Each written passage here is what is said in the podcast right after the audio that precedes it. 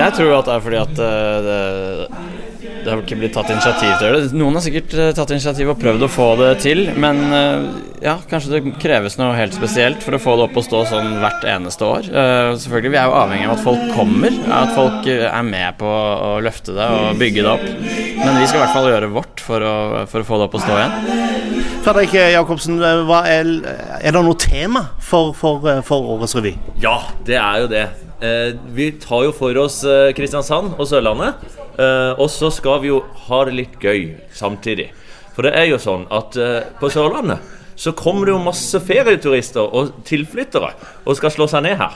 Og vi har et tema litt det at vi, vi, må passe på hverandre og ha det fint og kose oss og ha det greit, rett og slett. Pass på, ha det veldig greit. Det er viktig. Så, så jeg er ansatt da i kommunen uh, med dette her. Uh, innbyggerdialog.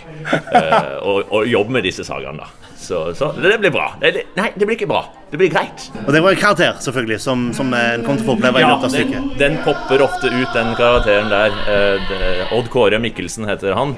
Eh, og han jobber med innbyggerdialog da, i Kristiansand. Og det er jo bra initiativ. Så det, det må vi få fram. Hva karakter er det vi får se fra deg, Christer? Og det er mange. Det er en, eh, selvfølgelig er jo eh, Vendøl, så det er klart jeg må få fram en liten uh, tullete Vendøl. Som, uh, som kanskje er han, han, er vel kanskje ikke den smarteste, men han er utrolig skjønn. Han gjør så godt han kan. Han gjør så godt han kan. Uh, så han får vi jo sett litt, og vi får sett noen ekle østlendinger som er altfor mye penger. som kommer og bosetter seg her på Sørlandet. Nei, altså Det er bare så utrolig mye gøy å se. Det er en godtepose.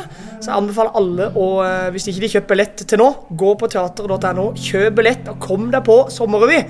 For dette, dette blir sommerens happening.